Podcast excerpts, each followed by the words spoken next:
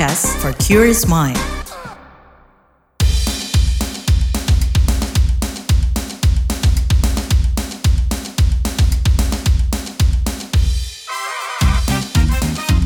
What's Trending KBR Pagi, siaran pagi radio paling update.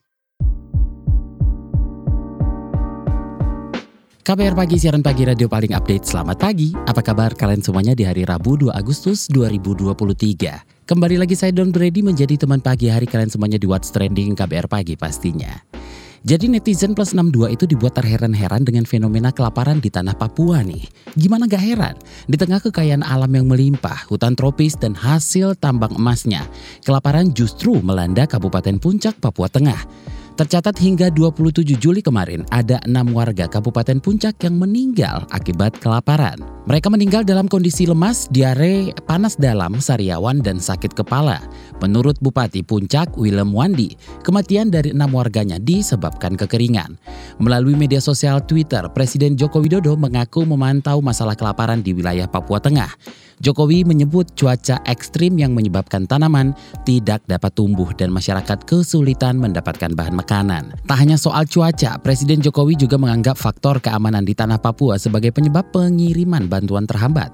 Ia pun memerintahkan Menteri Koordinator Bidang Pembangunan Manusia dan Kebudayaan, Menteri Sosial, Badan Nasional Penanggulangan Bencana, dan pemerintah daerah segera menyelesaikan persoalan kelaparan di Papua. Kita bakal bahas persoalan kelaparan yang melanda di bumi cendrawasih ini setelah komentar netizen plus 62 berikut ini.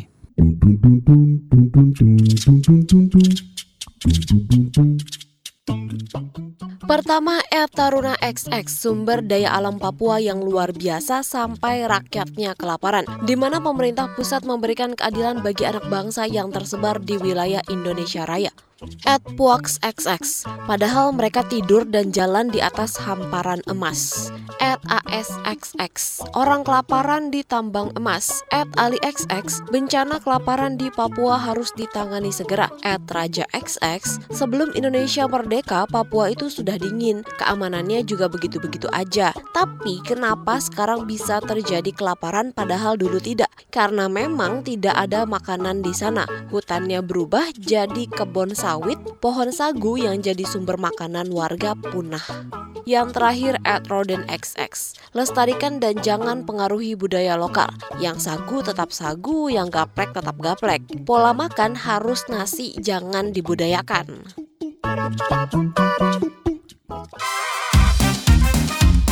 What's Trending KBR Pagi, siaran pagi radio paling update.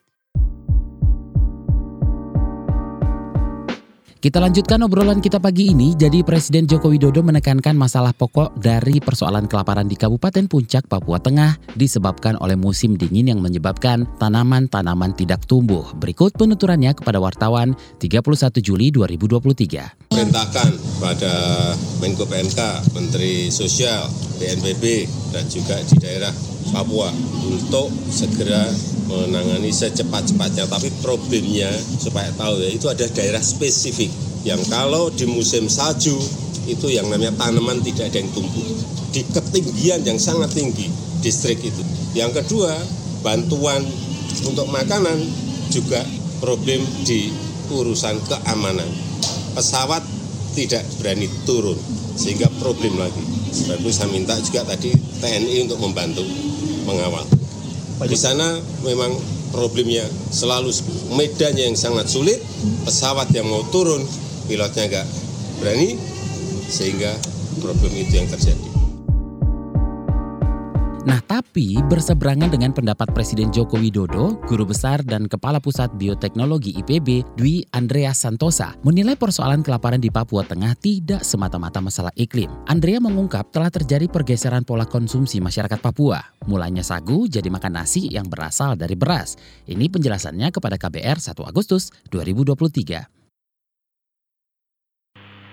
kelaparan ini kan berulang ya di di Papua dan Papua kalau kita lihat peta ketahanan pangan Indonesia Papua itu hampir selalu merah hampir di seluruh wilayah Papua dalam arti kita perlu uh, perhatian yang jauh lebih serius terkait dengan ketersediaan pangan di Papua. Nah, lalu apakah memang terjadi perubahan uh, pola konsumsi masyarakat jawabannya iya. Karena kan Papua pada masa Raskin itu kan beras banyak digelontorkan ke sana kan. Raskin ini kan beras. Nah, sehingga terjadi perubahan pola konsumsi di Papua. Kalau kita bicara keseluruhan dulu ya, di, belum belum yang terkait di, di uh, Kabupaten Puncak ini kan yang sekarang ini. Jadi itu dan itu menggeser betul, menggeser betul pola budaya pangan masyarakat setempat. Dan ketika pemerintah berusaha mengembangkan padi, rais kan gagal terus ya. Nggak ada cerita sukses terkait pengembangan padi di Papua berhasil. Nah, di sisi lain masyarakat perlahan sudah berganti ke padi. Bahkan terakhir-terakhir ini berganti juga ke mie instan. Ini yang lebih uh, merepotkan lagi. Jadi itu pergantian itu yang harus kita disikapi secara serius. Lalu terkait dengan yang terjadi saat ini, itu kan di daerah e, berketinggian ya di atas 2000 meter di atas permukaan laut kan, di pegunungan kan, dan itu memang sudah sering terjadi e, seperti itu. Dan biasanya di wilayah-wilayah tersebut, kalau musim kemarau, itu kalau di Jawa itu kayak di Dieng dan sebagainya itu ada yang dikenal sebagai embun upas. Embun upas ini e, pembekuan dalam arti cairan sel kemudian membeku, karena membeku ya pecah mati lah tanamannya. Jadi itu memang eh, kalau dari sisi ilmiah sih ada bakteri yang menyebabkan itu eh, bakteri pemproduksi es yang yang memicu pembentukan es di di daun. Eh, untuk batas-batas tertentu bisa ditangani itu yang bakteri-bakteri itu. Untuk tapi ya sangat terbatas ya tidak ada langsung menyelesaikan persoalan sudah tertentu tidak. Lalu bagaimana upayanya? Ya memang yang paling ideal singkat jelas lah ya pemerintah harus mengerahkan segala upaya untuk menyelamatkan mereka untuk memberi bantuan apa pun risikonya harus besar-besaran itu di bantuan. Karena masalah kelaparan masalah kelaparan itu nggak bisa nunggu mingguan atau bulanan loh masalah kelaparan itu hari ini gitu kan pengiriman bantuan-bantuan pangan ke sana. Nah itu yang jangka pendek jelas harus dilakukan. Lalu jangka panjang sudah barang tentu membenahi sistem pertanian mereka lah. Dalam arti Papua itu di Papua yang pegunungan-pegunungan tinggi di Papua itu sebenarnya ada uh, pernah diidentifikasi ada belasan sumber pangan yang tidak terlalu berpengaruh, tidak terlalu dipengaruhi oleh iklim yang seperti sekarang ini. Kan ada di sana yang sejenis pisang-pisangan, ada yang umbi-umbian, tapi umbi-umbian terutama di hutan-hutan ya. Itu itu bisa menjadi penyelamat uh, dikala kejadian-kejadian seperti ini.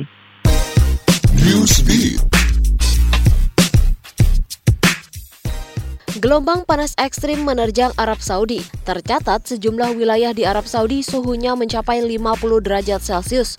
Pusat Meteorologi Nasional Saudi merinci suhu di sejumlah provinsi bagian timur berkisar 48 sampai 50 derajat Celcius, sedangkan ibu kota Riyadh berkisar 46 sampai 48 derajat Celcius. Suhu di Al-Ahsa mencapai 49 derajat Celcius. Suhu ini disebut-sebut sebagai suhu tertinggi sepanjang masa. Menanggapi fenomena ini, Kementerian Kesehatan Saudi mengeluarkan peringatan untuk berhati-hati ketika di luar ruangan. Peneliti dari Sun Yat-sen University menemukan kombinasi antara polusi udara ekstrim dan suhu panas bisa melipat gandakan resiko kematian akibat serangan jantung. Studi yang diterbitkan di dalam jurnal Circulation ini memperkirakan 2,8 persen kematian akibat serangan jantung dapat dikaitkan dengan suhu ekstrim dan polusi udara. Berdasarkan hasil kajian, orang tua dan wanita adalah kelompok masyarakat yang paling rentan terkena serangan jantung akibat polusi suhu panas ekstrim. Untuk menurunkan resiko jantung, Profesor Epidemiologi School of Public Health Sun Yat-sen University di Guangzhou, Yue Wei Liu, menyarankan penggunaan kipas angin atau pendingin ruangan, lalu mengenakan masker di luar ruangan dan menggunakan pakaian yang sesuai dengan cuaca untuk menghindari dampak kesehatan akibat suhu ekstrim.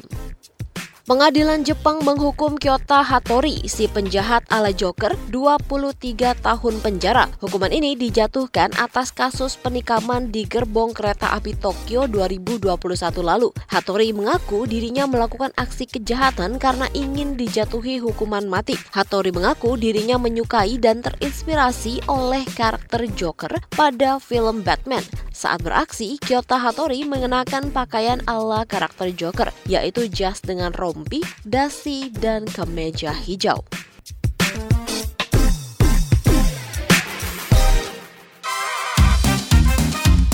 What's Trending KPR Pagi, siaran pagi radio paling update. Kita lagi ngobrolin soal lapar pangan landa Papua. Nah untuk ngulik soal ketahanan pangan di Papua, khususnya di Kabupaten Puncak, Papua Tengah, kita obrolin bareng manajer kampanye hutan dan kebun eksekutif nasional Walhi, Uli Arta Siagian. Kak Uli, kalau Anda melihat problem kelaparan di Papua Tengah ini bagaimana? Apa yang memicu kondisi ini? Kalau Walhi ngelihat kelaparan di Papua Tengah itu secara khusus gitu ya, ataupun kes-kes kelaparan secara umum di wilayah-wilayah lain tuh satu pasti karena penyeragaman pangan gitu. Kita tahu bahwa setiap wilayah itu dia punya jenis pangan yang berbeda-beda. Kayak Papua itu kan sebenarnya makanan pokok atau makanan utamanya itu bukan padi gitu ya, bukan beras gitu. Tapi beberapanya itu bisa kayak sagu dan beberapa jenis-jenis makanan lokal lainnya. Nah, tetapi kemudian justru uh, jenis pangan ini yang diseragamkan. Jadi semua orang kemudian dipaksa makan beras gitu ya, makan nasi gitu. Padahal sejak dulu mereka itu makan sagu misalnya. Sehingga jenis-jenis pangan-pangan lokal yang sebenarnya dia itu cocok untuk satu wilayah itu kemudian hilang gitu, diganti dengan makanan yang seragam. Nah yang kedua itu perubahan ekosistem hutan dan gambut menjadi konsesi. Kita tahu bahwa jenis-jenis makanan lokal, pangan lokal gitu ya, bahkan jenis obat-obatan itu banyak berada di wilayah-wilayah ekosistem hutan dan ekosistem gambut gitu. Nah, bagi masyarakat ada di sana sebenarnya ekosistem hutan itu kayak supermarket gitu. Jadi mereka bisa memenuhi semua kebutuhan pangan mereka dengan memanfaatkan atau meramu apa yang ada di alam gitu, apa yang ada di hutan gitu.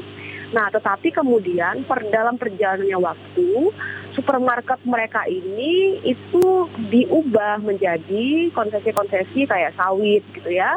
Terus kemudian pertambangan dan lain sebagainya. Nah, sehingga swalayan gitu ya, yang tadinya itu mereka bisa secara gratis pangannya ambil di alam gitu ya, kemudian itu hilang gitu sehingga kemudian mereka harus mengkonversi uang mereka untuk membeli pangan yang itu sudah terkonsentrasi oleh pasar gitu.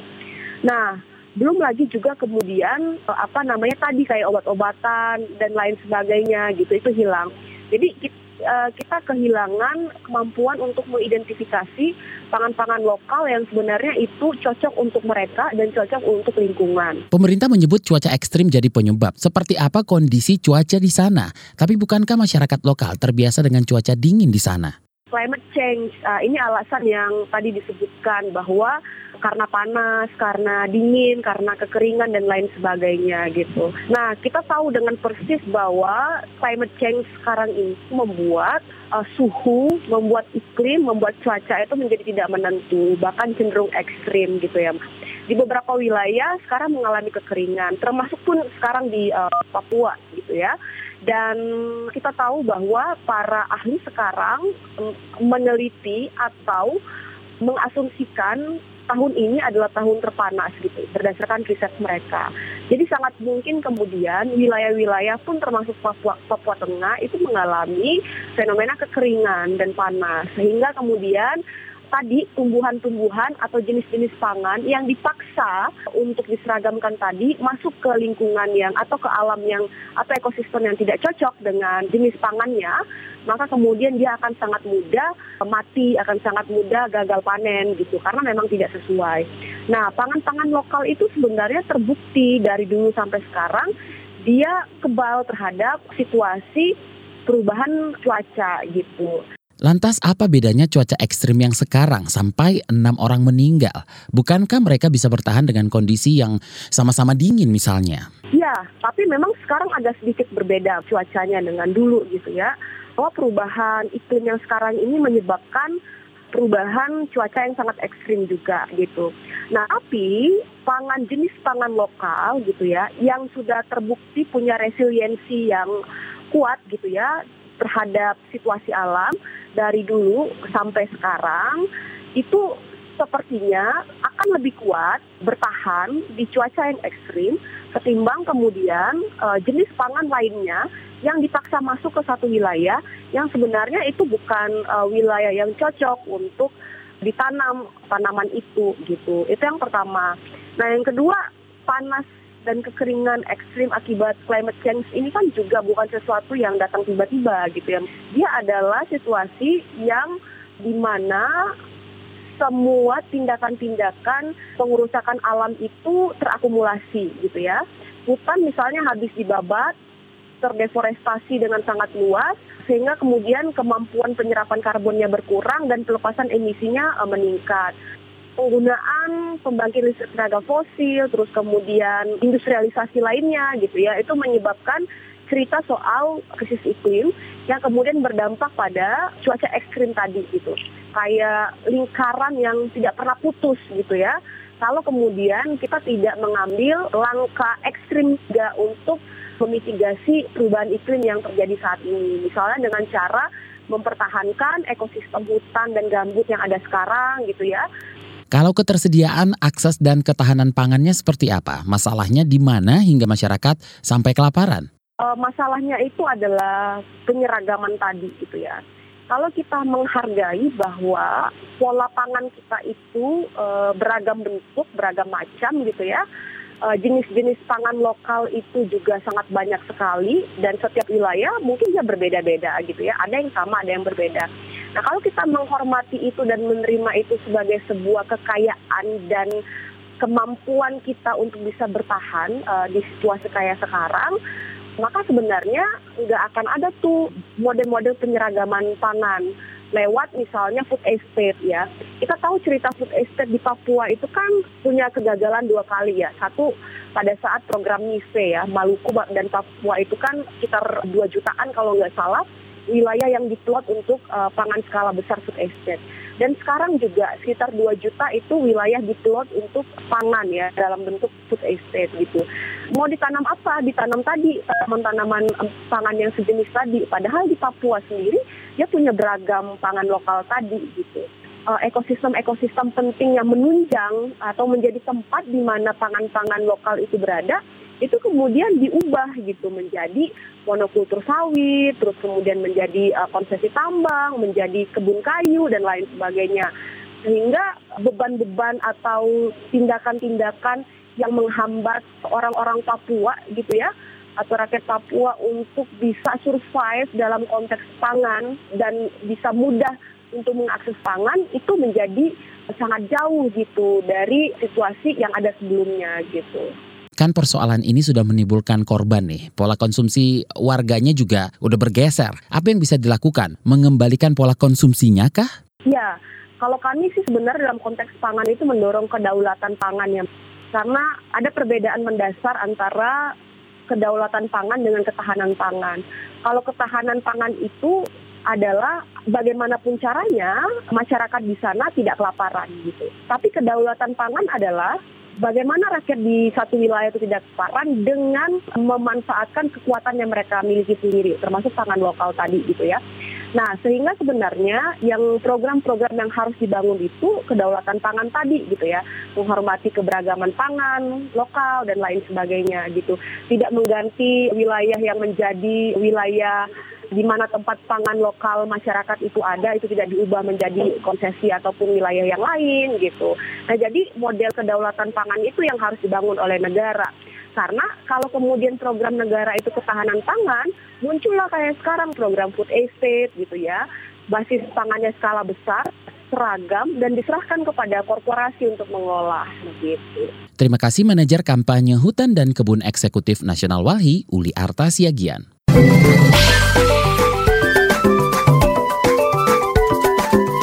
WhatsApp Indonesia.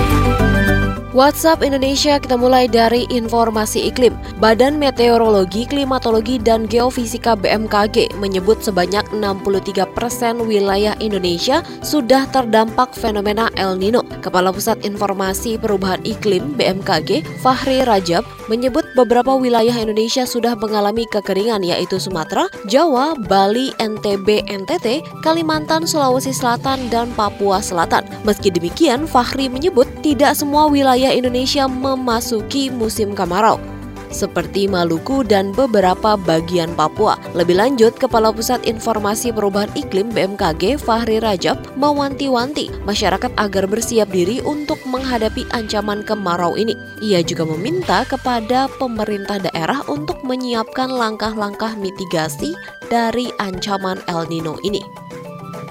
Selanjutnya menuju Banyuwangi. Pemerintah Kabupaten Banyuwangi, Jawa Timur menerima dana insentif fiskal kinerja DIFK senilai 12,29 miliar rupiah dari Kementerian Keuangan. Insentif itu diberikan lantaran Banyuwangi dinilai sukses menekan laju inflasi di daerahnya. Bupati Banyuwangi, Ipuk Fiastiandani, mengungkap rasa syukurnya lantaran kesuksesan Banyuwangi menekan inflasi adalah imbas kerja kolektif dari berbagai pihak.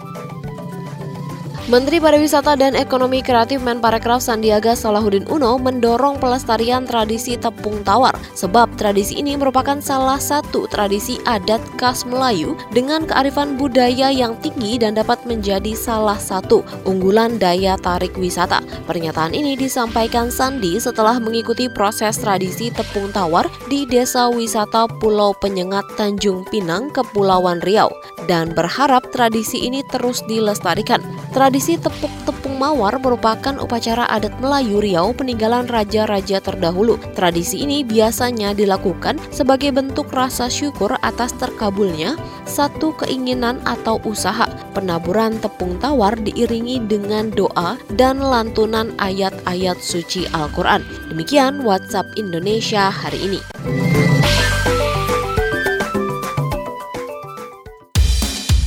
Terima kasih sudah mendengarkan What's Trending KBR Pagi. Jangan lupa tetap dengarkan podcast What's Trending di kbrprime.id dan di aplikasi mendengarkan podcast lainnya. Don Brady pamit, besok kita ketemu lagi. Stay safe, bye-bye. What's Trending KBR Pagi, siaran pagi radio paling update.